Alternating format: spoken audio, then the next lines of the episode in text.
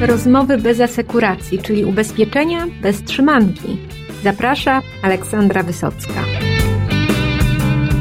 Tomasz Domalewski, który na co dzień kieruje sprzedażą w Ledenhall Polska, postawił sobie jakiś czas temu ambitny cel, że z okazji swoich 40 urodzin zdobędzie koronę Ziemi, czyli najwyższe szczyty wszystkich kontynentów. Gazeta ubezpieczeniowa objęła patronatem jego projekt i kibicujemy Tomkowi już od jakiegoś czasu. Dzisiaj możecie posłuchać o tym, jak zdobywał najwyższe szczyty Australii, Oceanii i Ameryki Północnej. Ten ostatni okazał się nie lada wyzwaniem, z którego trzeba było zrezygnować. Dlaczego? Kiedy powinniśmy e, w czasie realizacji naszych najambitniejszych zamierzeń przejść do przodu, a kiedy jednak należy się wycofać. Tego również mogą nauczyć nas góry. Posłuchajcie Tomka Domalewskiego. Witam Cię Tomaszu, zmieniają się pory roku. Jak ostatnio rozmawialiśmy, to śnieg powinien leżeć, nie leżał, bo w klimacie też zmienia, więc też było ciepło. Może nie aż tak jak teraz. No ale w każdym razie przeszliśmy z pory deszczowej do pory suchej. E, e, no a Ty jesteś e, dwie i pół góry do przodu. Tak można powiedzieć. Przypomnę naszym słuchaczom, zresztą zachęcam, żeby sobie na stronie rozmowy bez asekuracji wstukać Tomasz Domalewski. To, to będziecie mogli posłuchać o tym, co góry mogą e, dać człowiekowi, co mogą również dać e, człowiekowi pracującemu w ubezpieczeniach. I tam mówiliśmy o Twoim projekcie zdobycia korony Ziemi. Tutaj przypomnimy, że to są najwyższe szczyty wszystkich kontynentów, które z okazji swoich pięknych urodzin, 40., nie bójmy się tego słowa, sobie postanowiłaś. I e, Byłeś po naszym pierwszym spotkaniu, byłeś po Mont Blanc, byłeś po Kilimanjaro i, i po Elbrusie. I po Elbrusie, tak? Czyli trójeczka miałeś na koncie. No to teraz jakbyś mógł powiedzieć, co słychać w Twoim ubezpieczeniowo-górskim projekcie Neptun w górach, bo tutaj jeszcze jest motyw miasta Gdańska, bo pochodzisz, prawda, z Trójmiasta. Zgadza się. Dobrze, więc od początku. E, rozstaliśmy się w lutym, ty pakowałeś wtedy plecaki, ekwipunek, no i na drugą stronę globu leciałeś. Co cię spotkało po tamtej stronie kontynentu? No, no nie kuli ziemskiej. Tak? Kuli ziemskiej. No, zgodnie z tym, co, co, co o czym rozmawialiśmy, z tym, co zaplanowałem, mój kolejny kierunek zaraz po naszym nagraniu to była oczywiście Indonezja i przepiękna wyspa Bali ale zanim do tej wyspy Bali, do tej nocy dotarłem, to jeszcze wcześniej był krótki przystanek e, związany z Australią, czyli w ramach wyprawy Karstens Expedition 2019, czyli e, piramida Karstensza, czyli najwyższy szczyt e, Australii i Oceanii.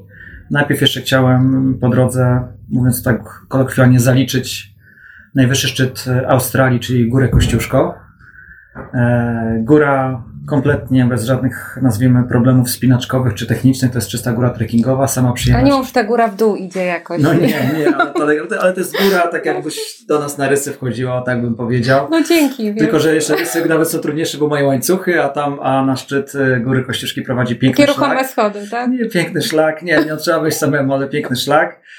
Więc y, jeszcze przed samym Indonezją, przed, samym, przed samym Bali najpierw wylądowałem w, mieście Sydney E, w związku z tym, że była tam zmiana strefy czasowej, e, oczywiście mój organizm zaszalał, nie był w stanie zasnąć normalnie, więc e, plan był taki, żeby od razu wynająć samochód na lotnisko i ruszyć prawie 350 km do Kostiuszko National Park, bo tak się nazywa dokładnie to miejsce. Tak też zrobiłem, czyli zaraz po wylądowaniu wynająłem samochód na lotnisko i ruszyłem od razu, czyli tam już była noc. Ruszyłem, ruszyłem w tą stronę. Na pewno to, co mnie urzekło w wieczornej jeździe, no to były mimo wszystko piękne widoki, bo tam ten zachód słońca był dosyć długo się utrzymywał, jak, wyruszy, jak wyruszyłem. To, co mnie zaskoczyło, to oczywiście nie tyle, że o tym nie wiedziałem, co było to dla mnie trudne na początku, czyli lewostronny ruch, czyli prowadzenie samochodu po, po stronie lewej wcale nie jest takie proste dla Polaka. Zwłaszcza po 30 godzinach niespania, tak? tak, to tak, tak. Można, można odruchowo, tak, można odruchowo nie w tą stronę. Tak? Zgadza się. E, to, co mnie znowu przeraziło, no to było e, mnóstwo zabitych kangurów wzdłuż drogi. O. Niestety tam jest, tam jest tak, że te kangury biegają wolno, więc bardzo często dochodzi do zderzenia samochodu z kangurem. Ja sam miałem trzy, trzy sytuacje ostrego hamowania, żeby przed kangurem. przed kangurem, żeby go nie uderzyć. oczywiście dla nas tutaj Europejczyków, dla, dla których, których znamy kangury z książek albo z zoo, nam fajnymi, egzotycznymi zwierzętami, jest to trudne do przepnięcia, że tyle tych, tych, tych kangurów tam leży. Natomiast Australijczycy mają do tego podejście bardzo zupełnie odwrotne. Dla nich kangur to jest szkodnik, więc to jest naturalne, że, że, że one giną, bo trzeba tą populację jakoś naturalnie, że tak powiem, pomniejszać. To jest zdanie Australijczyków akurat. No ale zostawiając już temat, e, temat etyki i, i jakby odczucia, jeżeli chodzi o, o, o zwierzęce tragedie, Dotarłem bardzo późno, to była godzina już chyba druga w nocy do samego serca parku. A hamburgery za, z kangurów tam podają? Mm, podają. Kangurze mięso się je, ale ja akurat nie, nie, nie, nie próbowałem. E, ale mówię, wracając do tematu, dotarłem do, do, do, serca, do serca parku. Tam de facto miałem pomysł taki, żeby się zdrzemnąć chwilę i ruszyć, ruszyć do góry, w górę, w górę, aby zdążyć na szczyt przed wschodem słońca. E, oczywiście dwie godziny snu, które chciałem, zaplanowałem, też się nie udały. Cały czas organizm nie był się w stanie przestawić, więc po prostu po dwóch godzinach męczarni na tylnej kanapie samochodu o czwarte nad ranem przebrałem się w ciuchy biegowe, bo taki był pomysł, żeby biec na górę, na, na szczyt Kościuszko, górę Kościuszko i, no i rozpocząłem bieg. Wybrałem sobie dłuższą, dłuższą trasę, bo tam dwie, dwie drogi prowadzą dwa szlaki na sam szczyt. Wybrałem tą dłuższą, 10-kilometrową prawie. No i Przeproszenia, jakie tam są? E, ja ruszyłem z wysokości około, żeby nie skłamać, 1400 paru metrów, a góra ma 2200, nie pamiętam teraz mhm. dokładnie, około 2200 wysokości. W każdym razie oczywiście góra nigdy nie jest tak, że szlak biegnie całkowicie pod górę w linii prostej. No, tak, się, tak, trawersuje tak. się kluczy. Na początku było dosyć ciekawie, no bo było ciemno, więc biegłem z czołówką na, na, na, na czole i, i mnóstwo dziwnych odgłosów dzikich zwierząt wokół, więc co jakiś czas podczas tego biegu człowiek na chwilę stawał i robił 360 stopni z tą czołówką, czy coś wokół jednak mnie nie, nie krąży między tymi tam dosyć wysokimi trawami no, podczas, podczas e, biegania. Ale co tam mogło być? No, może nie zjeść, ale no to, jest, to, jest, to, jest, to, jest, to, jest, to jest park, park narodowy, gdzie żyją wszystkie zwierzęta, czyli począwszy od, od, od kangurów, poprzez e, hieny, że tak powiem, poprzez e, jak, jak, jakieś gatunki e, kocie, jak ja to mówię, więc to, to, jest, to, jest, to jest park, który tak jak w każdy inny, no i oczywiście skorpiony i pająki. Tam to, co mnie też... E, tego byś nie usłyszał. Tego bym nie usłyszał, to co, ale to, co też mnie zadziwiło, że właśnie były co jakiś czas defi, defibratory powieszone na, na specjalnym tym, że gdyby ktoś kogoś albo żmija ukąsiła, czy jakieś dziwne zwierzę trzeba byłoby przewrócić e, akcję serca, no to były specjalne sprzęty Super, a czas. powiedz mi, czy ty z kimś biegłeś, czy ktoś nie, by sam. ci tą akcję serca nie, mógł no, przewrócić? Nie ma szans, to trzeba było z kimś. No, ja byłem tam całkowicie sam, no ale jakby było, dosyć strasznie na początku. Jak już słońce zaczęło wschodzić, no to już jakby to troszeczkę inaczej wyglądało. Natomiast no, udało mi się biec dokładnie w punkt. Dokładnie w momencie, kiedy byłem na, na szczycie, była to godzina kilka minut po szóstej, że dobrze pamiętam. E, to słońce dokładnie zaczęło powoli wychodzić z nadszczytów masywu Alp Australijskich. I zrobiłeś zdjęcie, które publikowaliśmy tak w gazecie jest, tak ubezpieczeniowej. Tak I, I, mnóstwo zdjęć i też kilka, kilka filmów nakręciłem. No, generalnie było tak, że dokładnie, e, dokładnie jak biegłem, to, to, to słońce wystawało z, z, z, dalekich szczytów Alp Australijskich, bo całe te masy to są zwane Alpy Australijskie. To co, to, co na pewno mnie zaskoczyło, to jest tak, że szczyt Góry Kościuszki jest kamienisty. Tak jak cała droga była trawiasto, tak bym powiedział, ziemska, tam ten szczyt jest kamienisty, mnóstwo kamieni z tym takim, jakby nazwijmy sobie, pachołkiem wysokim, na którym można stanąć, czy przy nim sobie stanąć, zrobić, zrobić zdjęcie. Obok oczywiście opis cały historyczny tej góry Kościuszki. No, ale chyba najmniejsze było to, że jak wbiegłem na szczyt, na samym szczycie w Śpiworach, było już naprawdę zimno wtedy, na, w Śpiworach, co to znaczy naprawdę zimno? No myślę, że temperatura odczuwalna była blisko zera, dlatego że ja biegałem w rękach. Bo jak przeniesiemy się do twojej wyprawy do tak do Denali, Denali to, to nie było naprawdę tak. zimno. Ale tak. chodzi o to, że z bardzo gorącego dołu jak się wbiega, tak i rano się jest na tym 2200 i było dosyć chłodno, w rękawiczkach trzeba było biec, bo marzły mhm. po prostu palce i trzeba było później kurtkę jeszcze dodatkowo zakładać. No i siedziało, siedziało siedem dziewczyn w śpiworach zapiętych pod, pod szyję i po prostu w ciszy e, kontemplowały właśnie wschód, wschód słońca. Więc oczywiście ja biegając najpierw tam zrobiłem sobie kilka fotek, a potem usiadłem blisko i razem z nimi po prostu podziwiałem ten wschód słońca. W międzyczasie oczywiście nawiązała się rozmowa. Okazało się, że dziewczyny to są grupka, przy, e, grupa, grupka przyjaciół, mieszkają w różnych miejscach Australii i od wielu lat planowały zdobyć górę Kościuszki w rozumieniu weź tutaj. I, i, I właśnie w końcu po iluś latach się zebrały i, i rozpoczęły swój, swoje wejście już o 12 w nocy, żeby być na tym na, na wschodzie słońca na, na, na szczycie, więc był bardzo zdziwiony, że mi to zajęło tak krótko, że jestem tak szybko. No ale one szły, ja, ja wbiegałem, jest to jest ta różnica. O kurczę, no. No ale przesympatyczne dziewczyny. Okazało się, że mają ze sobą domowe ciasto pieczone, że mają ze sobą kawiarkę, gaz, butle z gazem, więc Kanapkę z kangurem. przygotowały, nie, bez kangura, przygotowały mi kawę świeżo parzoną, e, poczęstowały mnie ciastem. To się umiesz urządzić. Tak, także miałem tam spędzić kilkanaście minut, spędziłem praktycznie prawie półtorej godziny siedząc i gadając z dziewczynami przy okazji, mówię, podziwiając ten wschód słońca. No i to można powiedzieć, to była moja przygoda z górą Kościuszki, tak? Następnie wróciłem na dół, wsiadłem w samochód i, i ruszyłem w stronę Sydney. No i wtedy już po drodze złapał mnie kryzys, musiałem stanąć na parkingu przy autostradzie i po prostu przespać się kilka godzin, żeby zacząć funkcjonować. E, No i przy okazji, będąc no, oczywiście w Sydney, zostałem tam jeszcze trzy dni, bo nigdy nie byłem, więc chciałem zwiedzić Sydney i trzy kolejne dni po prostu zwiedzałem i, i, i, i wszystkie miejsca, myślę, w mieście Sydney i próbowałem tamtejszej kuchni, więc też było dosyć ciekawie. Stek z kangura. Bez Ja cały jestem czas... mon- monotematyczna. Tak jest, a ja Tak. cały czas będę potwier- potwierdzał, nie, bez tego skandału. Przyzna, każdy się w końcu przyzna, to jest kwestia technik przesłuchiwania. A, okej, tak? no, to jest kwestia wmawiania. To co jadłeś tam dobrego w takim razie? No niestety jedzenie australijskie nie jest jakieś wyszukane. Ono jest bardzo przypomina jedzenie, jak powiedział, amerykańskie, czyli mnóstwo wołowiny, dużo, dużo oczywiście frytek, hamburgerów różnego rodzaju. E, Co prawda, jak już jemy steki z wołowiny, to ta wołowina jest dosyć dobra. Dosyć dobra, no i mają dużo, dużo ryb mają, no bo jednak są, mają, mają akurat takie, mm, e, tak, tak, tak, tak, tak są położeni akurat jako kontynent, że tych, do tych ryb jest dosyć duży, duży, duży, duży dostęp, więc ryby naprawdę dosyć duży wybór. Ale, ale nie, nie zachwyca jakoś mnie bardzo jedzenie australijskie. Bardziej zachwycają mnie miejsca, które tam zobaczyłem, tak. No chyba na pewno polecam wszystkim, ktoś będzie w Sydney, to poza tym, co każdy przewodnik powie, że trzeba to i to zobaczyć, tak, poczywszy od, nie wiem, Darling Harbour i te inne wszystkie słynne miejsca, to polecam bardzo mało znaną, no chyba najbardziej hipsterską dzielnicę w Sydney. Piechotą od centrum się jedzie no prawie godzinę, więc dosyć, dosyć kawałek drogi, ale przepiękne, malownicze, całkowicie naturalna dzielnica artystów, y, malarzy, muzyków, gdzie widać, że to, że to miejsce żyje i, i w ciągu dnia i wieczorem. Przepiękny street art, po prostu nie ma ulicy ściany bez, bez malowideł. Agenci ubezpieczeniowi jacyś tam żyją? Nie widziałem, nie widziałem, ale jako, jako przykład podać y, klimatu tego miejsca, że tam na każdym rogu stoi rozwalone pianino i ktoś gra na tym pianinie, po prostu idzie sobie nagle siada i gra na tym pianinie jakiś artysta. To, I to się dzieje w ciągu dnia, albo chociażby to, że trafiłem na sklep z winylami, Mhm. gdzie, gdzie stoją do miksowania kokpity i możesz normalnie podejść, bierzesz jakąkolwiek płytę, która ci podoba zespołu czegokolwiek, założyć na kokpit i sobie sam zmiksować na miejscu muzykę i ją nagrać na drugą płytę winylową. No także naprawdę to wielkie, takie wielkie wow, Mhm. to, to na, na mnie to zrobiło. Jak ktoś lubi tego typu klimaty, to polecam. E, Newtown, tak się nazywa dokładnie, tak się dokładnie nazywa ta dzielnica.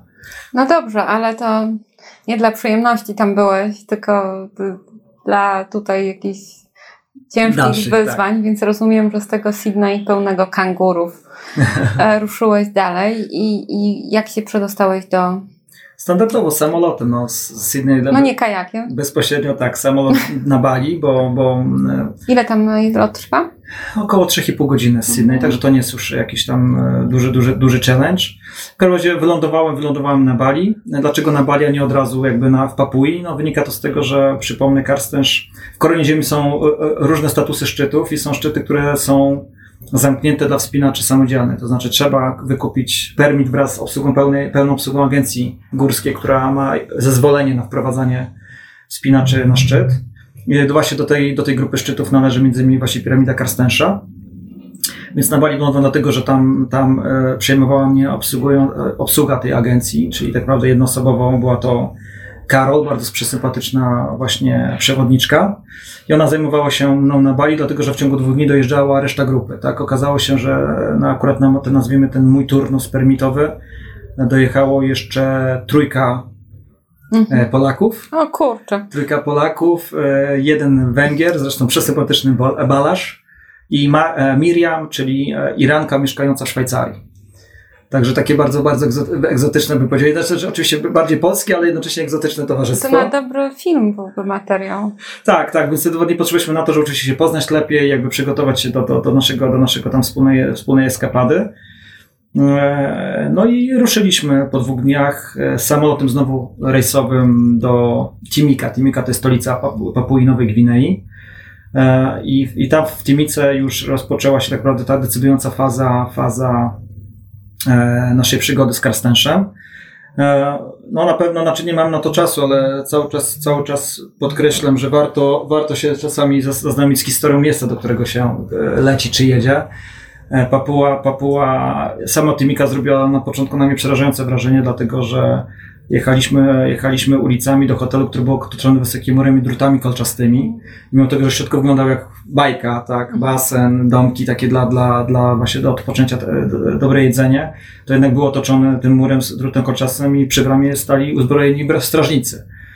Jak spytaliśmy Joshua, z czego to wynika, Joshua to był człowiek, który nas przejął właśnie w Timice już, czyli Papuas typowy, no powiedział, że po prostu miasto jest dosyć niebezpieczne i dlatego trzeba, trzeba jakby, mają taką zasadę, że cudzoziemcy są chronieni a to wszystko przez pryzmat e, z powodu no, największej kopalni złota, która jest w Papui, czyli Garsberg, tak się nazywa ta, ta, jak ktoś by nie wiedział, to jest największa kopalnia złota na, na, na świecie.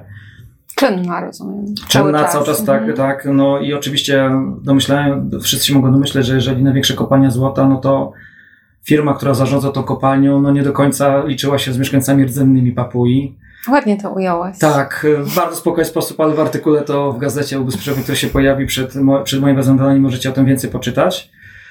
E, więc no, napięta atmosfera była. Okazało się, że dosłownie miesiąc przed nami e, sześciu, sześciu, sześciu pracowników kopalni zostało porwanych właśnie przez jeden z, z plemion papułaskich i zostało po prostu podrażnięte im gardła, żeby w ten sposób pokazać nadal, że Papuasi walczą o swoją, o swoją autonomię i o swoje ziemię. Więc to, to powodowało, że, ten, że ta atmosfera była napięta.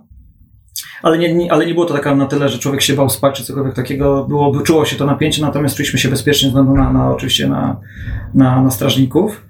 W każdym razie tam, tam spędziliśmy w Timice dosłownie jedną dobę, dlatego że następnego dnia, ze względu na to, że pogoda była bardzo dobra, mieliśmy umówiony lot helikopterem do Basecampu.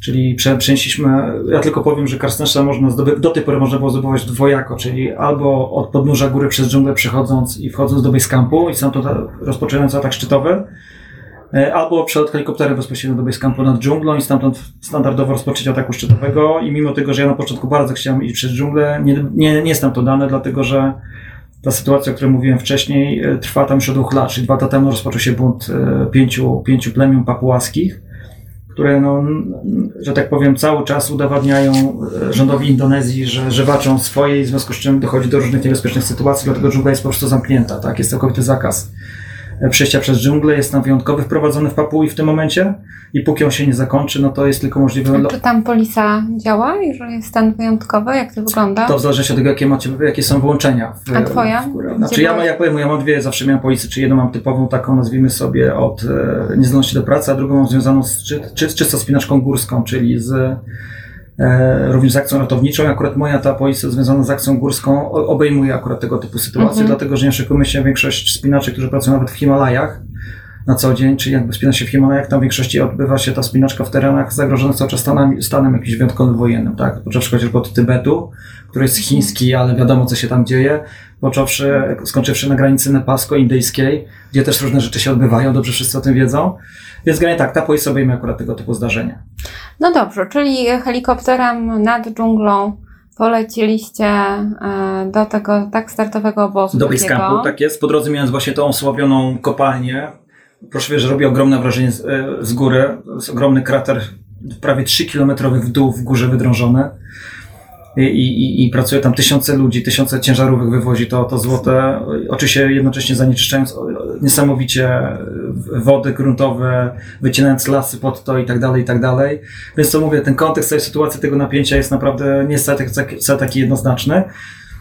No ale lądujemy w Basecampie, no i zgodnie z zasadą każdy, którą zna, e, każdy, kto troszeczkę o spinaczce wie, że zasada jest taka, że trzeba się kilka dni zaklimatyzować do wysokości, czy powinien się de facto spędzić. I ten obóz na jakiej wysokości? 4100. To już jest dużo. To już jest wysoko, tak. To bez, jakby z samego dołu przylecieć 400, to standardowo każdy, kto nie jest przygotowany odpowiednio wydolnościowo, czy się nie wspina, no to ma tam problemy związane z chorobą wysokościową.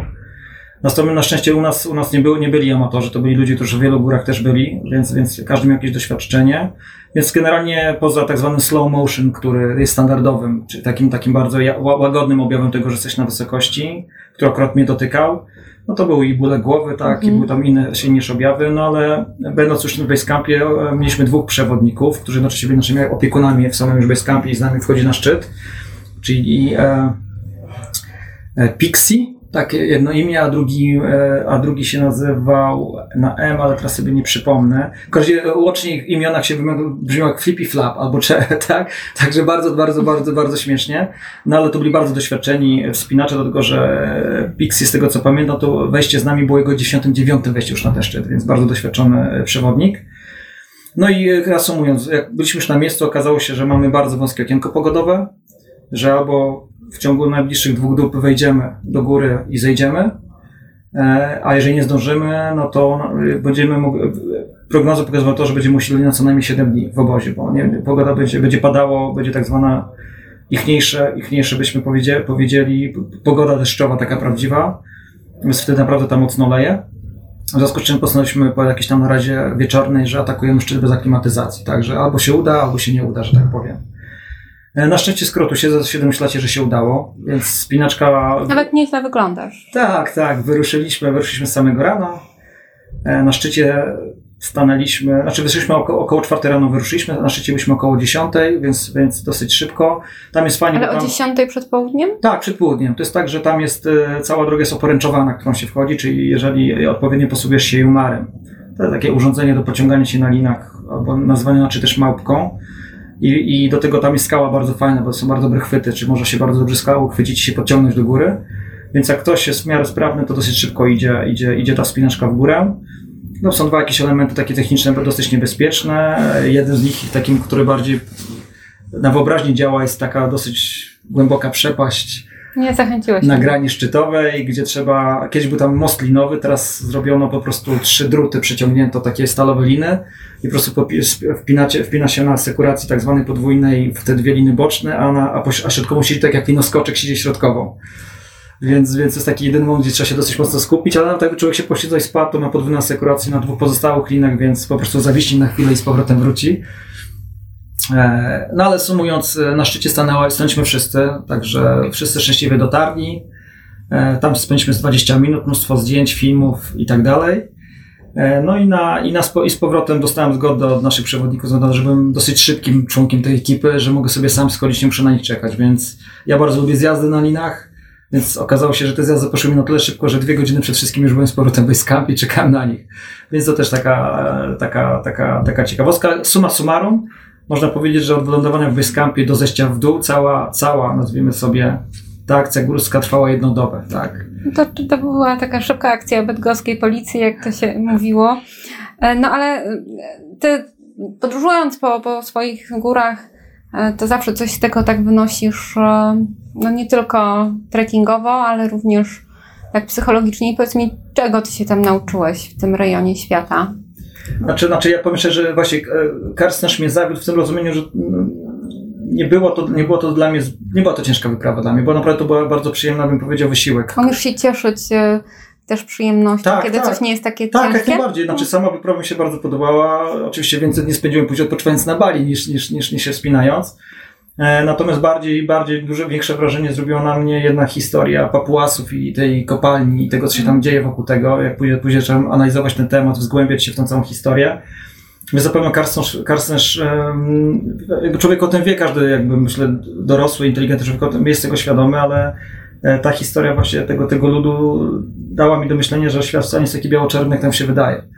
On ma wiele odcieni i mimo tego, że wydaje nam się, że się cywilizujemy, jesteśmy coraz bardziej ludzcy, to nadal są części świata poza nami, których może nawet nie wiemy, gdzie dzieją się naprawdę straszne tragedie, nazwiemy sobie rodowodne z czasów średniowiecznych i konkwistadorów, tak? Mhm. I to się dzieje w XXI i XX wieku.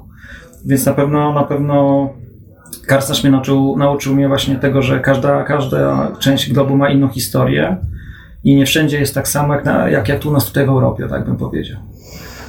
To tyle, tyle. Bo wspinaczkowo sama góra jakby niczego mi nie, nie nauczyła, tak bym powiedział. No, pokazałeś już to, co już potrafisz, czyli się szybko mhm. zaaklimatyzować. Zgadza się. I i tak dalej.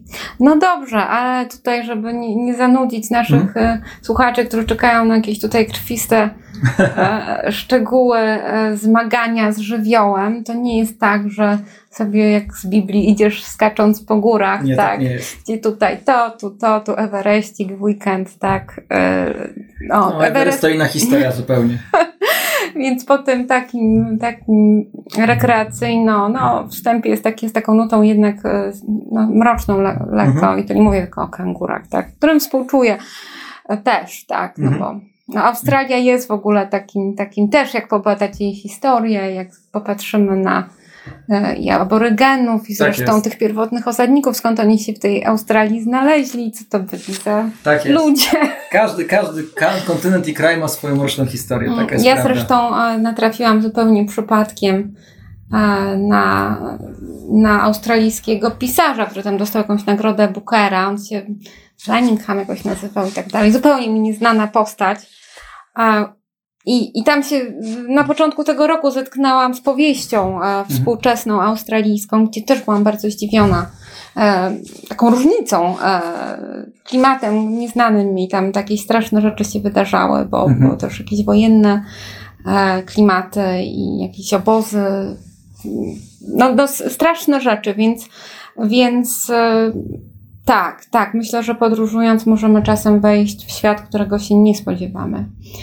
Nawet jak sobie tylko tak przechodzimy, biegając akurat na, na jakąś tam górę, tak, no to coś tam jest. No dobrze, ale wróciłaś dość wypoczęty, opalony. Oczywiście, że tak. E, z odhaczonym tutaj, e, no myślę, że, że to nie... Tak, to była taka góra na odhaczenie, bym można powiedzieć. Tak no jest. tak, ale tej, tego kościuszki też tak, to walczył nasz tam dzielny bohater narodowy, więc myślę, nie lekceważ go tak bardzo. Nie, nie, ja, ja mówię, każda, każda góra uczy pokory, proszę wiesz, że... Byś sobie że nogę tak... skręcił, to mógłby cię pająk tam zjeść, nie? I myślę, że jak kangur.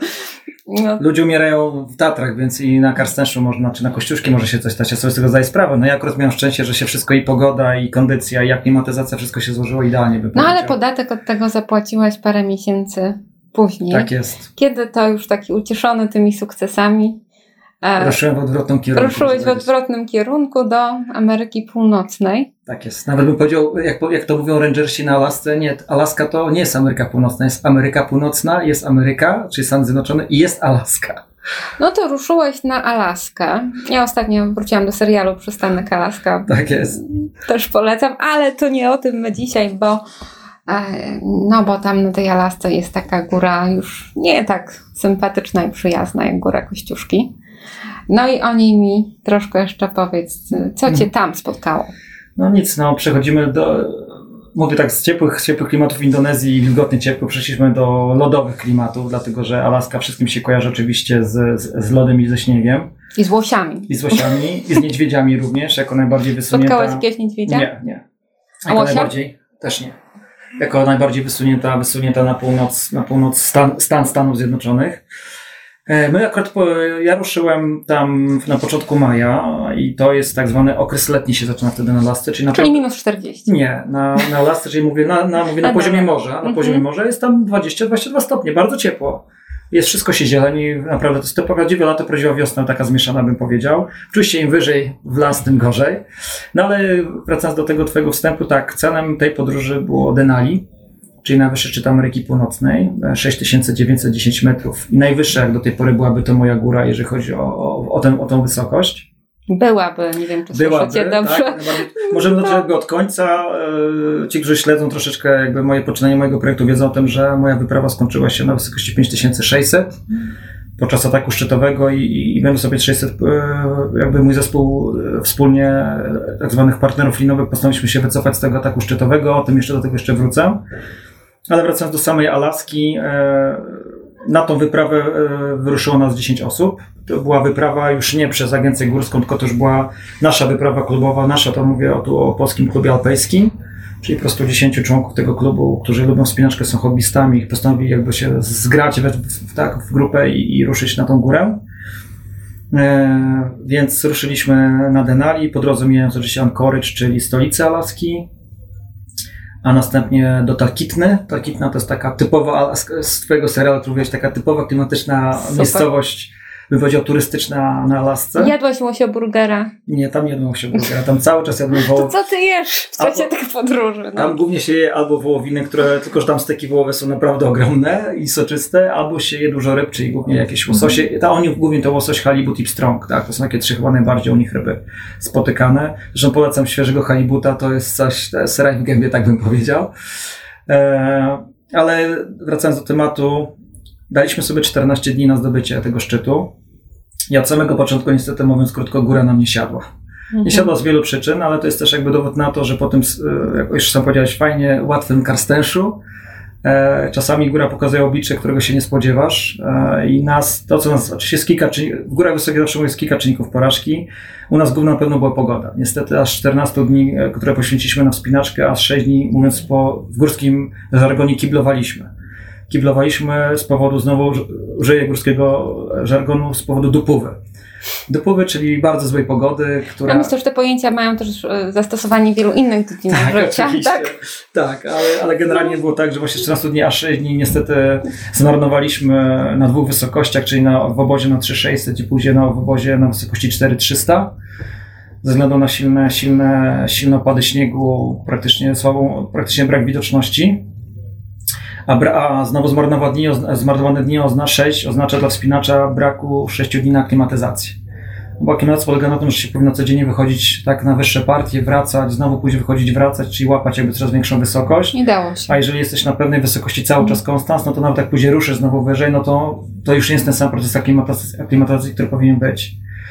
Więc to był pierwszy czynnik, który jakby nas e, zatrzymał, e, tak jakby główny. No i drugi to oczywiście ten, który był skutkiem tej złej pogody, czyli w momencie, kiedy tam jest tak, że pogoda jest bardzo zmienna. Tam jest co, co, codziennie o 20 rangersi, czyli tak e, tak zwani strażnicy tego, tego parku, bo znowu w Denali leży na, w Denali National Park, czyli takim bardzo du dużym parku narodowym.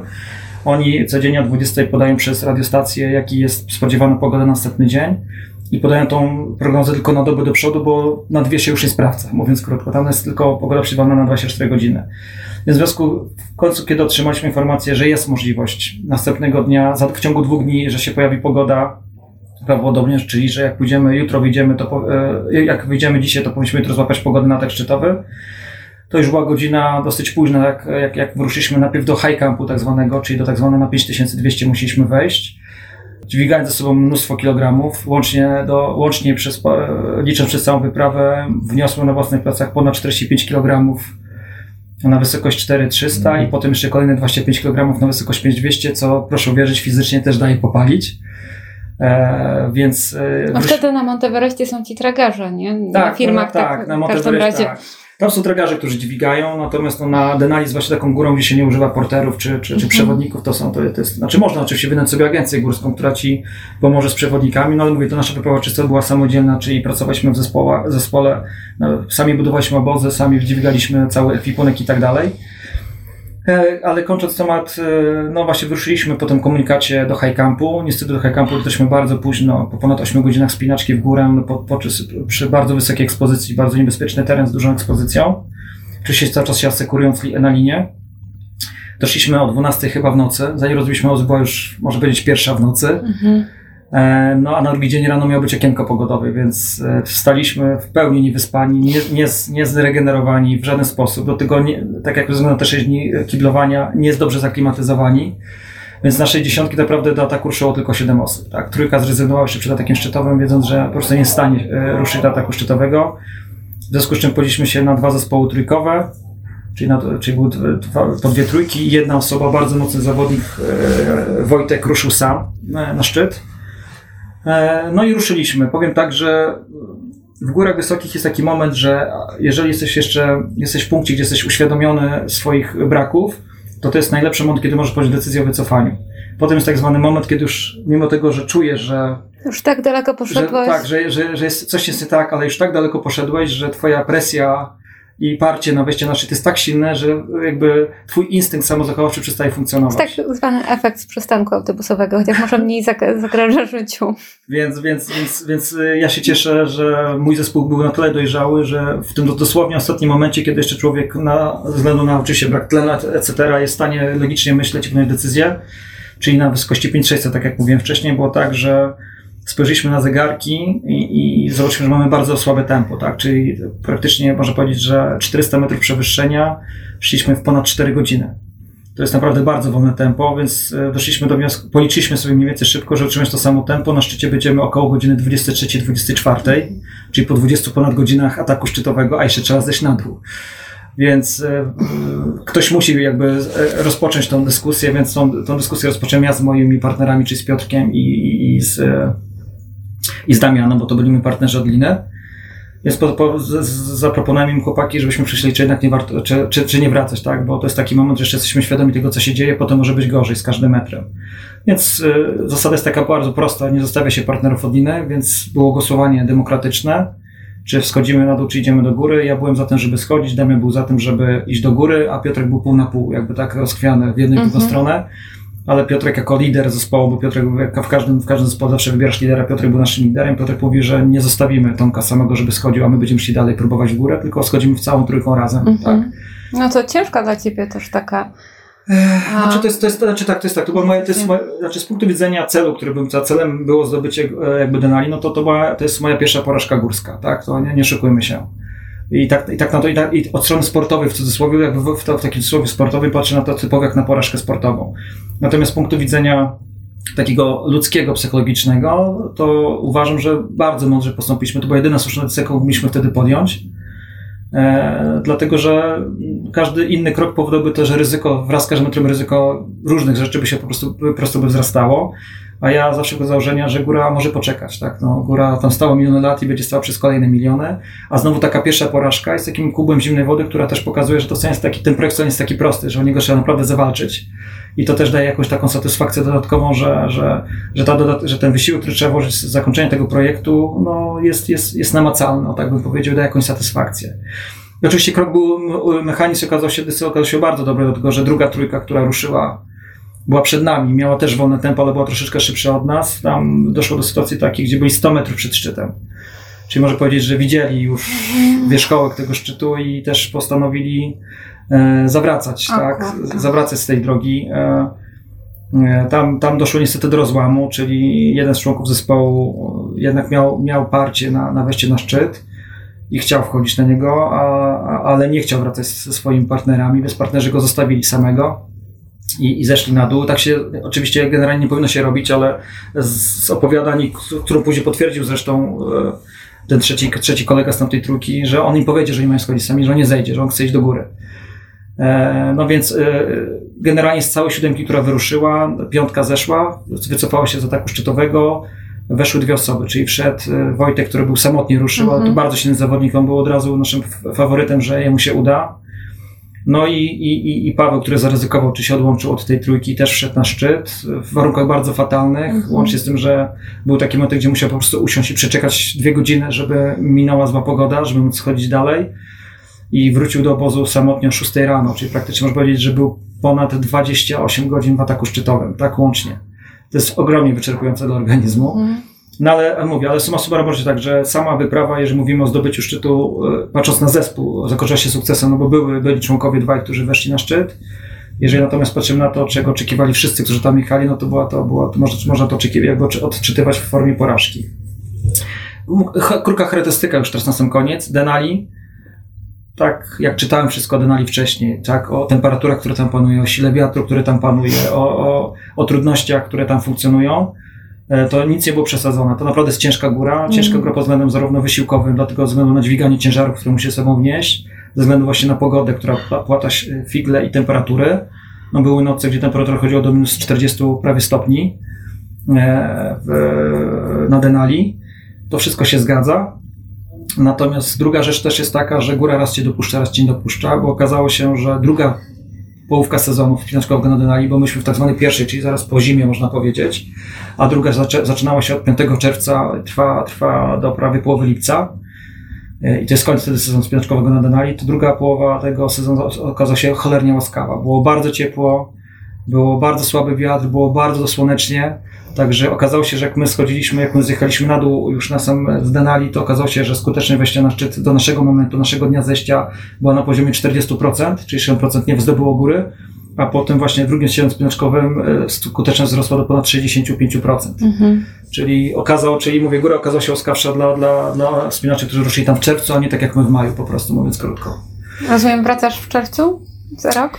E, e, nie wiem, czy za rok. Znaczy powiem tak, dla mnie byłoby idealnie zaraz po Everestie ruszyć. Jeżeli w ten plan, który mówiłem, czyli, czyli chciałbym na pewno już lutem Akangua i kwiecień, maj chciałbym zrobić Everest, to byłoby idealny czas, bo będzie bardzo dobrze zaklimatyzowany, więc Denali powinno Mhm. jeżeli pogoda pozwoli, to Denali powinno być bardzo łatwe dla mnie kondycyjno-wydolnościowe.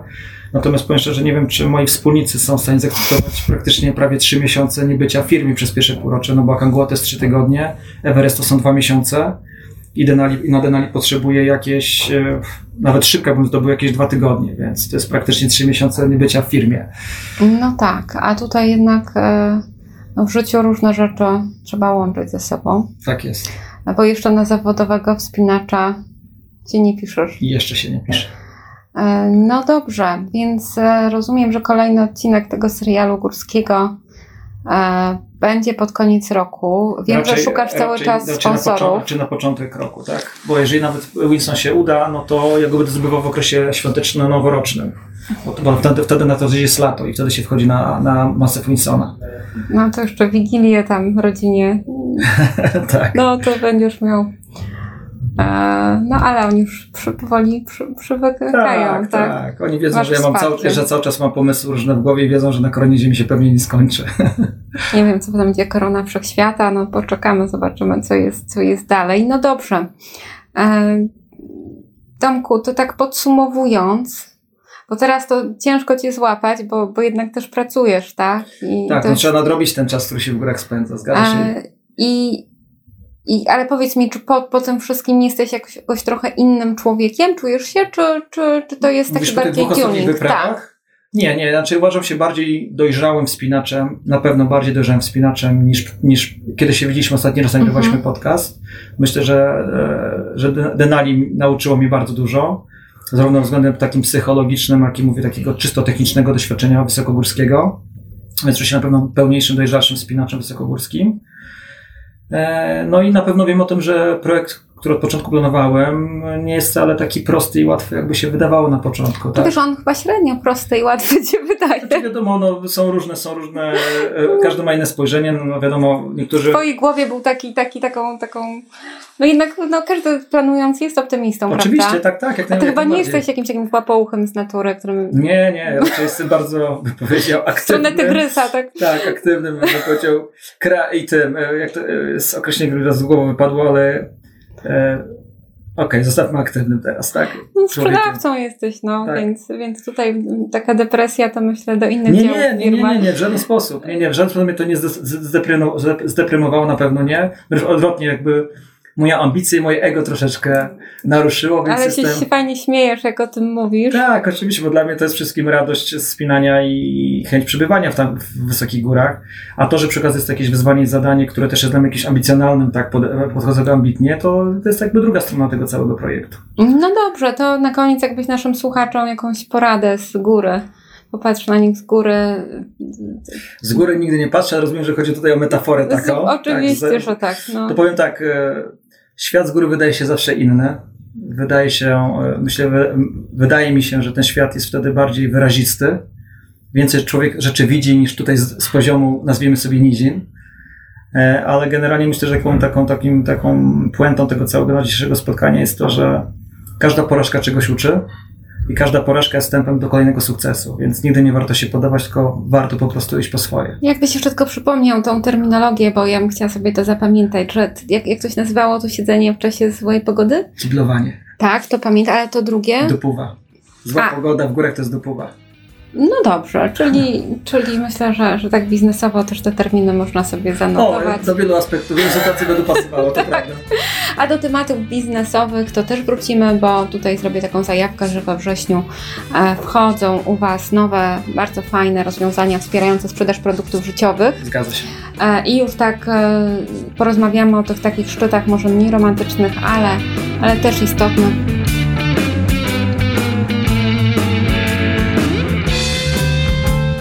Każdy z nas ma swój Monteverest i nie musi być to wcale najwyższy szczyt świata. Może to być coś dla innych mniejszego, ale dla nas jednak wyjątkowo ważnego, istotnego i godnego najwyższych wysiłków. Cokolwiek jest waszym Monteverestem, zdobywajcie. Zdobywajcie e, szczyty waszych możliwości. Niekoniecznie szybko, niekoniecznie od razu, ale pamiętajcie, planując swoje działania o tym, co naprawdę ma znaczenie. No i e, też bądźcie gotowi zapłacić cenę, bo za wszystko co cenne cena zawsze jest do zapłacenia. A ja Wam bardzo dziękuję, a jutro ruszam na drugi punkt e, mojej, e, mojej takiej własnej kampanii Korona Polski, najwyższe szczyty kluczowych pasm w Polsce. Dla mnie to jest naprawdę dużo, ale, ale postanowiłam sobie, że, że to zrobię i trzymajcie kciuki również za moje małe, może małe, ale dla mnie duże cele i dążcie do własnych. Dzięki, do usłyszenia w przyszły wtorek.